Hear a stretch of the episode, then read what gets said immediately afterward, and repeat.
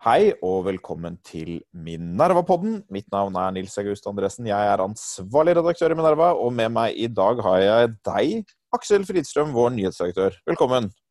Ja, Det var hyggelig å få være med også på denne podkasten. Du, vi har en, en, hemmelig gjest i dag. Hvem er det? Ja, det er, eh, er det eh, det, det, er mulig han kan bli utkledd som julenissen, men det spørs jo hvis det er eh, ti stykker på juleselskap fra før, så kommer jo ikke julenissen inn. Men eh, hvis, hvis, det er en som går ut og kler seg om, så kunne det jo vært denne personen. Og det er jo da eh, Espen Teigen. Espen Teigen, velkommen. Du er journalist i Nettavisen og tidligere rådgiver eh, i Fremskrittspartiet. En av ganske få som har gått den veien til journalistikken. Tusen, tusen hjertelig takk.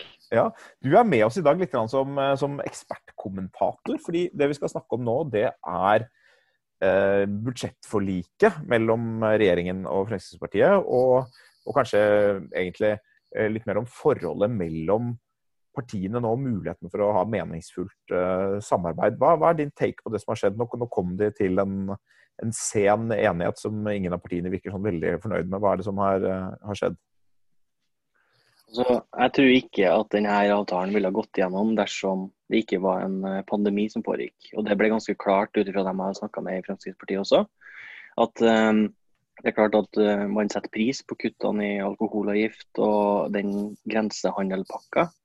Men uh, når det uh, ikke blir kutt i kvoteflyktninger, det ikke gjøres noe på bistand, og innstramningene på innvandring er forholdsvis beskjeden, så er det et veldig dårlig plaster på såret for de velgerne som bryr seg veldig mye om de sakene som Fremskrittspartiet i stor grad har monopol på.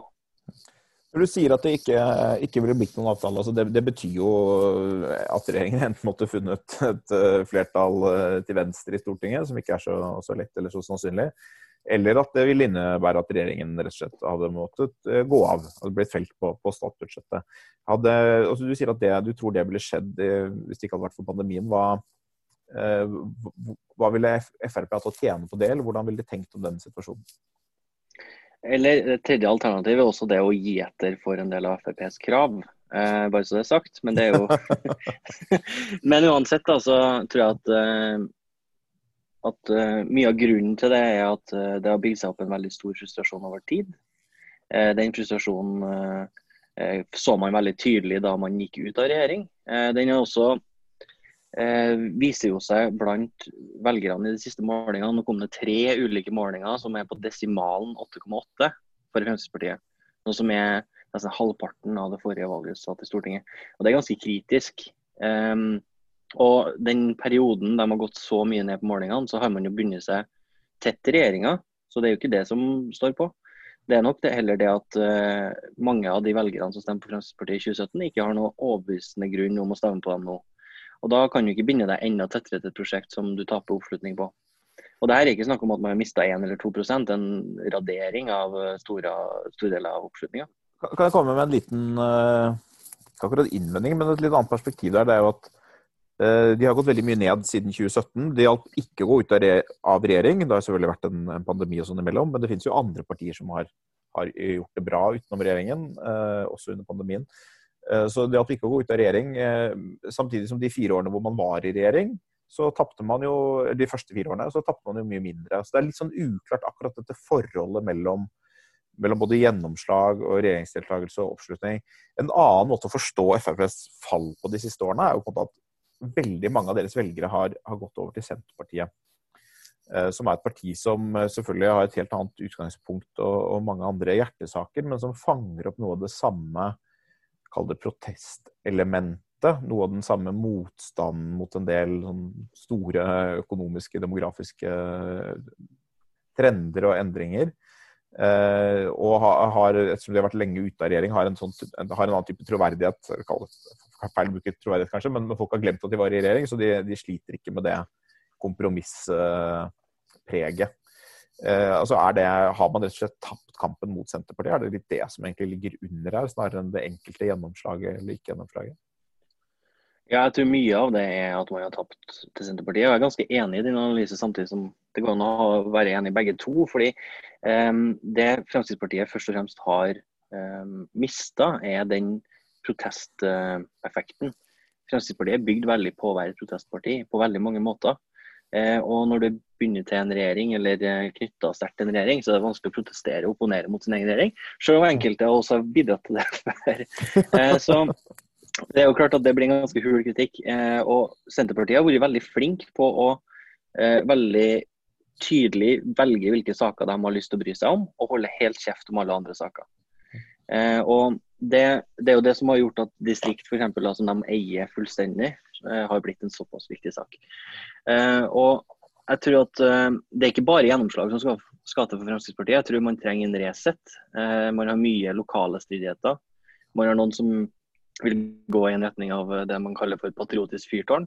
Så har du på andre sida ganske liberale folk som er mer opptatt av skatter og avgifter osv. Og, så har du også den store mengden av velgere som, som er i Fremskrittspartiet, som, som, er veldig opptatt av innvandring. Eh, så det, jeg tror man trenger en, en Resett, og den fikk ikke man etter eh, regjeringa gikk av. Eller man gikk ut av regjering. Eh, og man eh, har heller ikke fått muligheten til å eh, Man trenger en ny retning, Altså. Man trenger en ny fresh retning. Men hvordan skulle den kunne se ut, eh, Espen? Fordi altså, En strategisk utfordring fra Fremskrittspartiet det er at det, altså dette patriotisk fyrtårnpartiet eh, det er altså De som eh, både vil det, de har jo kjempetro på det, selvfølgelig. At liksom idet det kan skinne klart og rent, så, så, går partiet frem til nye høyder. Men det er absolutt ingenting som tyder på det. Det har på en måte vært retningen i Oslo. Der er partiet enda mye mer utradert enn i resten av landet, og har vært det, vært det lenge. Eh, så, og den er jo på en måte preget av litt sånn konspirasjonstenkning. og altså, Nå var Ugland, som er i hardt vær om dagen, leder i Oslo Frp, som har vært ute og sagt at valget USA er rigget. og liksom, altså, De hopper på alle disse tingene her. Og det er jo klart at det, innenfor, innenfor, flokken så er det populært, men det er ikke noe stort marked for det. Og så har du på en måte den, andre gruppen, det er jo disse liberalerne. Og det er jo ikke noe sånn Det liberale er jo, jo, kan jo jeg ha sympati for, men det er jo ikke liksom noe som bærer noe folkeparti akkurat i, i Norge. Mens disse liksom mer sånn protestvelgerne som ønsker seg mindre innvandring og en del andre sånn, protestsaker, de, det er jo dem man har tapt til Senterpartiet. Så liksom, hvordan skulle nye, denne nye retningen hvordan skulle den se ut som, som kan samle velgere? Det, altså, jeg er ganske enig i den analysen, og det er veldig tydelig. fordi Oslo blir snakka mye om. Det er jo den patriotisk fyrtårn-retningen. Men Trondheim er et vel så godt eksempel. Der har man gått til den klistra seg helt opp til høyre. Snakker veldig om liberale linjer. og man, man er veldig lite konfronterende og en helt annen stil enn det nasjonale partiet. De har også rakna fullstendig. Så det er nok en gyllen middelvei der, en plass for Fremskrittspartiet. Og så må man jo Jeg syns jo man er altfor dårlig på å ta opp de her kulturkampene. Fordi i, i, Sverige så har man jo sett at det er flere partier, bl.a. Kristdemokraterna, som har gjort det ganske greit på å markere motstand mot at man f.eks. ikke skal få lov til å ha bestevenner i barnehagen, eller ikke skal defineres som kjønn, eller altså alle de her eh, litt nye woke-sakene. Uh, men, men uh, å stå opp for sånne tradisjonelle verdier på en eller annen måte. Men det har jo ikke KrF uh, noe interesse av å gjøre i Norge. Så den marka er jo helt åpen. Fremskrittspartiet er ikke noe god til å ta og plukke opp sånne ting. Og ytringsfrihet og innvandring, kultur, alle de der sakene her, de har ikke den samme De fører ikke den samme aktive rollen lenger. Og jeg tror ikke løsninga er noe sånn patriotisk fyrtårn. Det tror jeg er veldig få i partiets ledelse som tror på. Men man må finne noe nytt og gjøre noe annerledes enn det man har gjort. Fordi det her går jo ikke lenger. Aksel, eh, vi skal litt tilbake til, budsjettet. Det er jo ikke bare, ikke bare Fremskrittspartiet som, som, sliter om dagen. Altså Egentlig så sliter jo alle partiene, bortsett fra, fra Senterpartiet. Kanskje Rødt og Senterpartiet er de partiene som ikke, ikke sliter. Eh, SV. Eh, men litt, litt, om regjeringsforliket. for Jeg synes det illustrerer på noen av problemene på borgerlig side. At man kommer til et forlik som, hvor ingen av partene er fornøyd. Sånn er det ofte med kompromisser. Men, men det er jo det er ikke noe veldig godt tegn over tid at ingen av partiene egentlig føler at budsjettene tar dem i riktig retning. Eh, samtidig som alle disse forlikene blir veldig dyre. Eh, man plusser på veldig mange nye milliarder. Denne gangen var det vel 18 milliarder, var det det man plusset på? Som må være nær rekord for, en, eh, for den type forlik. Hva, hva, er din take på dette? Hvorfor, hvorfor, blir det sånn? Hvorfor klarer man ikke å finne noe, en bedre måte å gjøre det på, Aksel? Altså, jeg har jo skrevet om dette holdt jeg på å si, allerede i forrige uke, før, før uh, budsjettet var klart. Men da man kunne se omtrent hvordan det ville se ut dersom man ble enige. Og det er jo at uh, det eneste man klarer å bli enige om, er nesten å bruke mer penger. For det er eh, det eneste som kan gi noen en eller annen form for seiersfølelse, uten å samtidig påføre noen andre partier et nederlag. Eh, men det som jeg tror er, er det store problemet, at mange av disse partiene er redde for å bli få for nederlag som kanskje egentlig ikke skader dem så veldig mye. fordi at i øynene eller til velgerne til disse partiene, så oppleves nok mange av disse partiene litt som særinteressepartier. Altså som har et kjerneområde, og så stemmer på det for å liksom, få frem det. Så Venstre liksom, det er miljøparti på borgerlig side, og KrF er liksom et parti for liksom, kristne verdier og litt uh, skeptisk til bioteknologi etc. Og Frp er liksom et kulturelt uh, protestparti, og også et, et innvandringsskeptisk parti. Og hvis de partiene hadde rendyrket de rollene, så ville det ikke vært så veldig farlig for dem om de ble påført noen nederlag utenfor det. Men det som er problemet, er at disse partiene definerer seg selv som veldig mye bredere partier enn det velgerne som faktisk går og stemmer på dem, tenker på dem som. Så de er veldig redde for å bli påført nederlag på ting som velgerne deres egentlig ikke bryr seg om.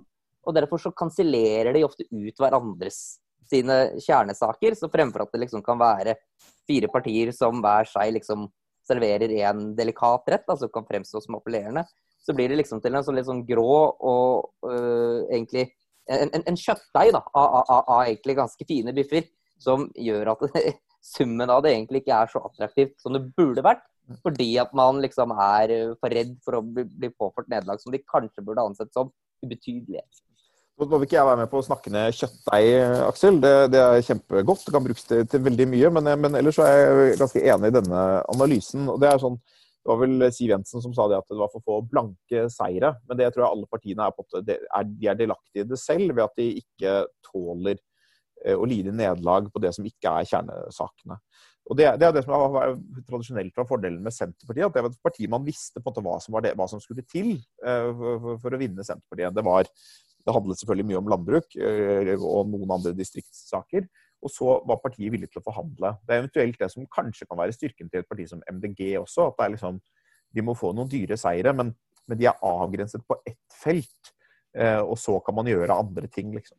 Og det, Man kunne jo tenkt seg at et, sånn regjering som dette her hadde, hadde kuttet kvoteflyktningene med 2000 eller, eller noe sånt. Og, og, da hadde man jo spart kanskje 10 milliarder kroner i integreringsutgifter bare på, på kort sikt, og, så, og mye mer penger på, på lang sikt.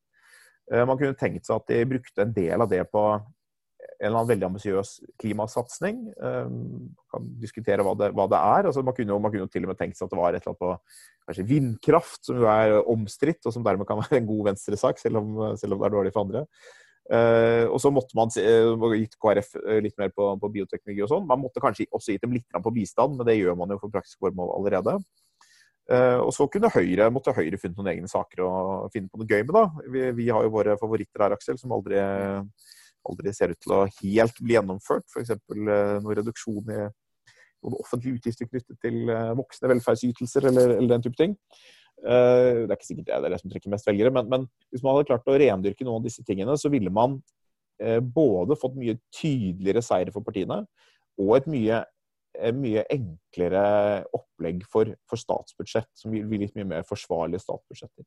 For Det som har skjedd, er at denne regjeringen har økt uh, oljepengebruken og, og, statens andel av BNP mer enn uh, noen tidligere regjering. Uh, og det, det, er ikke, Man kan skylde litt på, på, oljepriskrise og flyktningkrise og nå på koronakrise, men det kommer til å bli vanskelig å reversere en god del av disse budsjettøkningene. Så dette kommer til å være med oss en god del år fremover. Vil jeg bare legge, legge til én ting til i denne debatten også. for det at det som jeg tror er en, en, annen del av problemet, er at uh, partiene evaluerer sin egen innsats i altfor stor grad ut fra hva slags type mediedekning de får fra en dag til den neste. ikke sant? Også du kunne tenke deg, Hvis man liksom gikk med på å redusere kvot, kvoteflyktningtallet, sant? så ville det jo ikke noe tvil om at det, det ville da blitt en eh, negativ pressehenvendelse for si Venstre og KrF.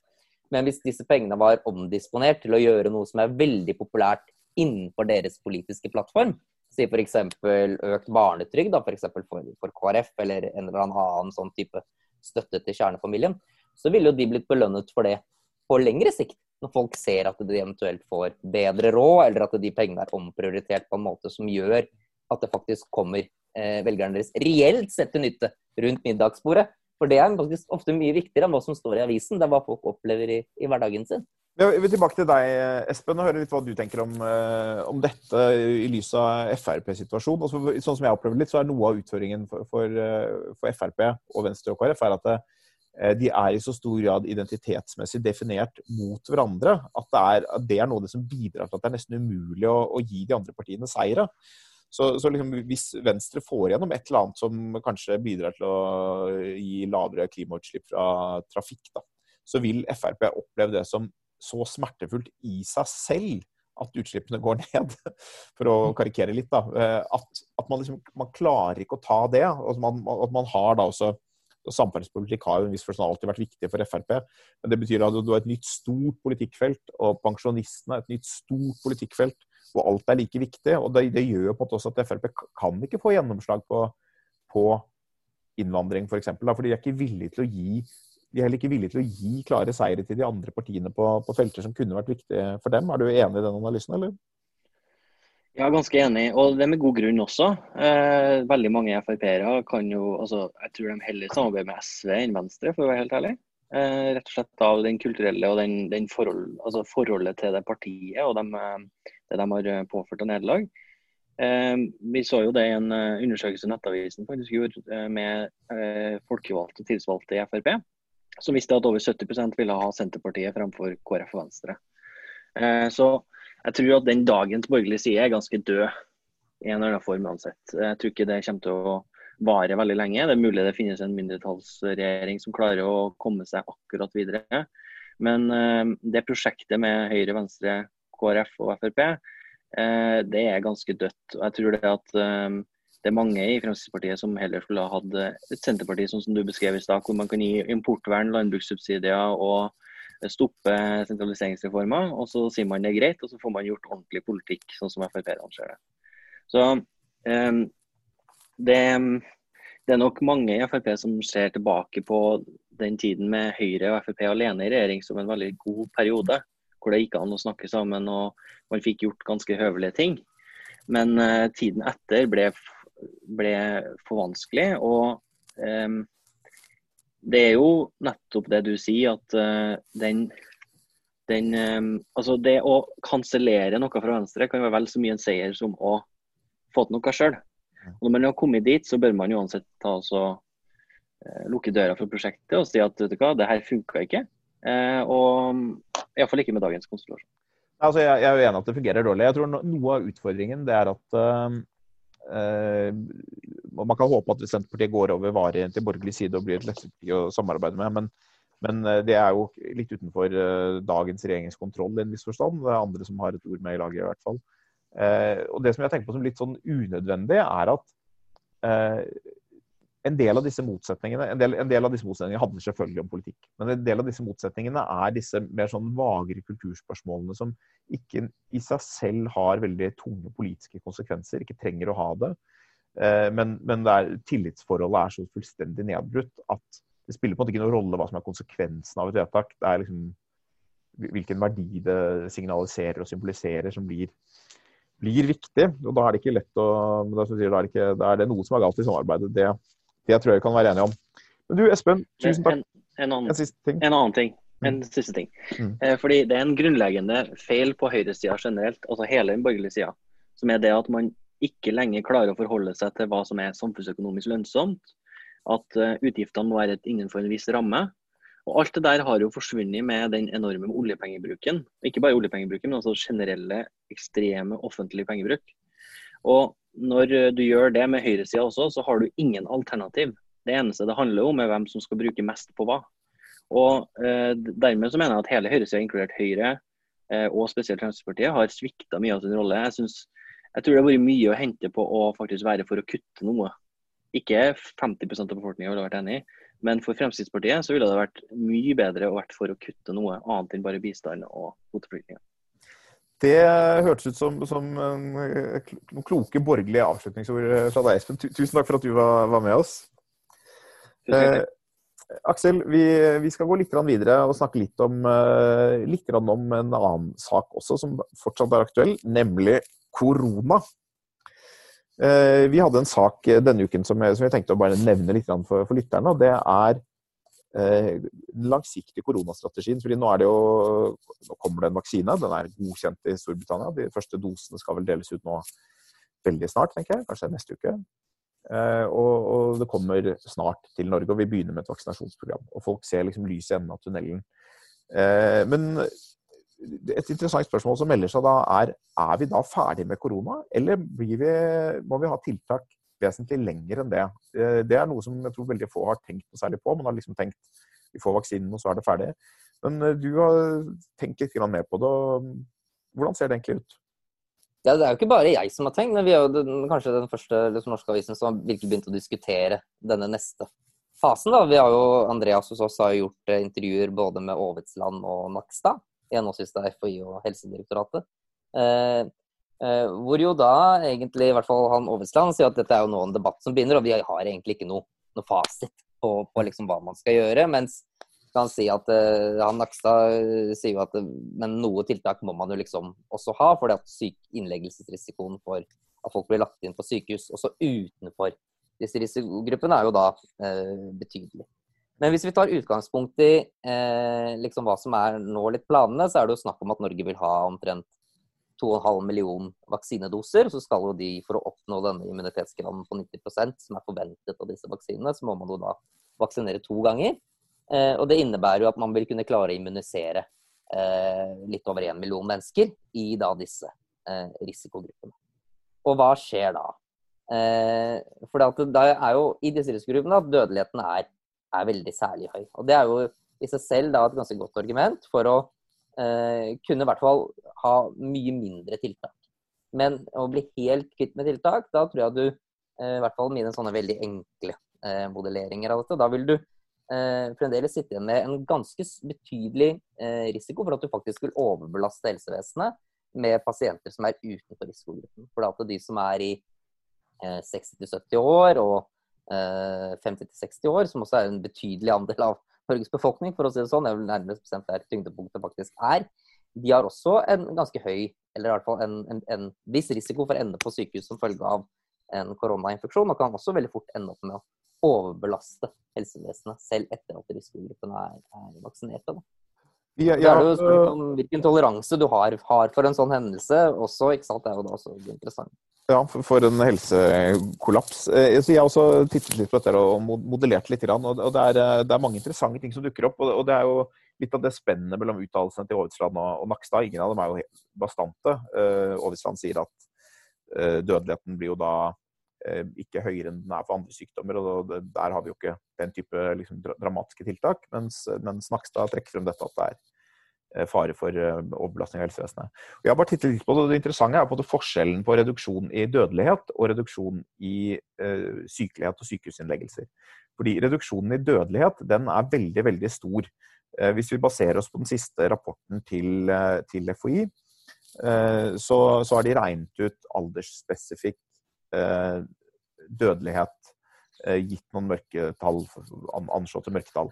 Jeg er ikke helt sikker på om det er liksom, Man kan ikke stille noen kritiske spørsmål til den. De antar at det er like store mørketall i alle aldersgrupper. Det er på en måte rimelig å tro at det er lavere mørketall i de eldste aldersgruppene, og dermed litt større dødelighet, kanskje. Men, men, de, men hvis, du, hvis, man hadde regnet med jevn smitte i befolkningen, så tilsier de tallene til gi en dødelighet på, på 0,27 omtrent.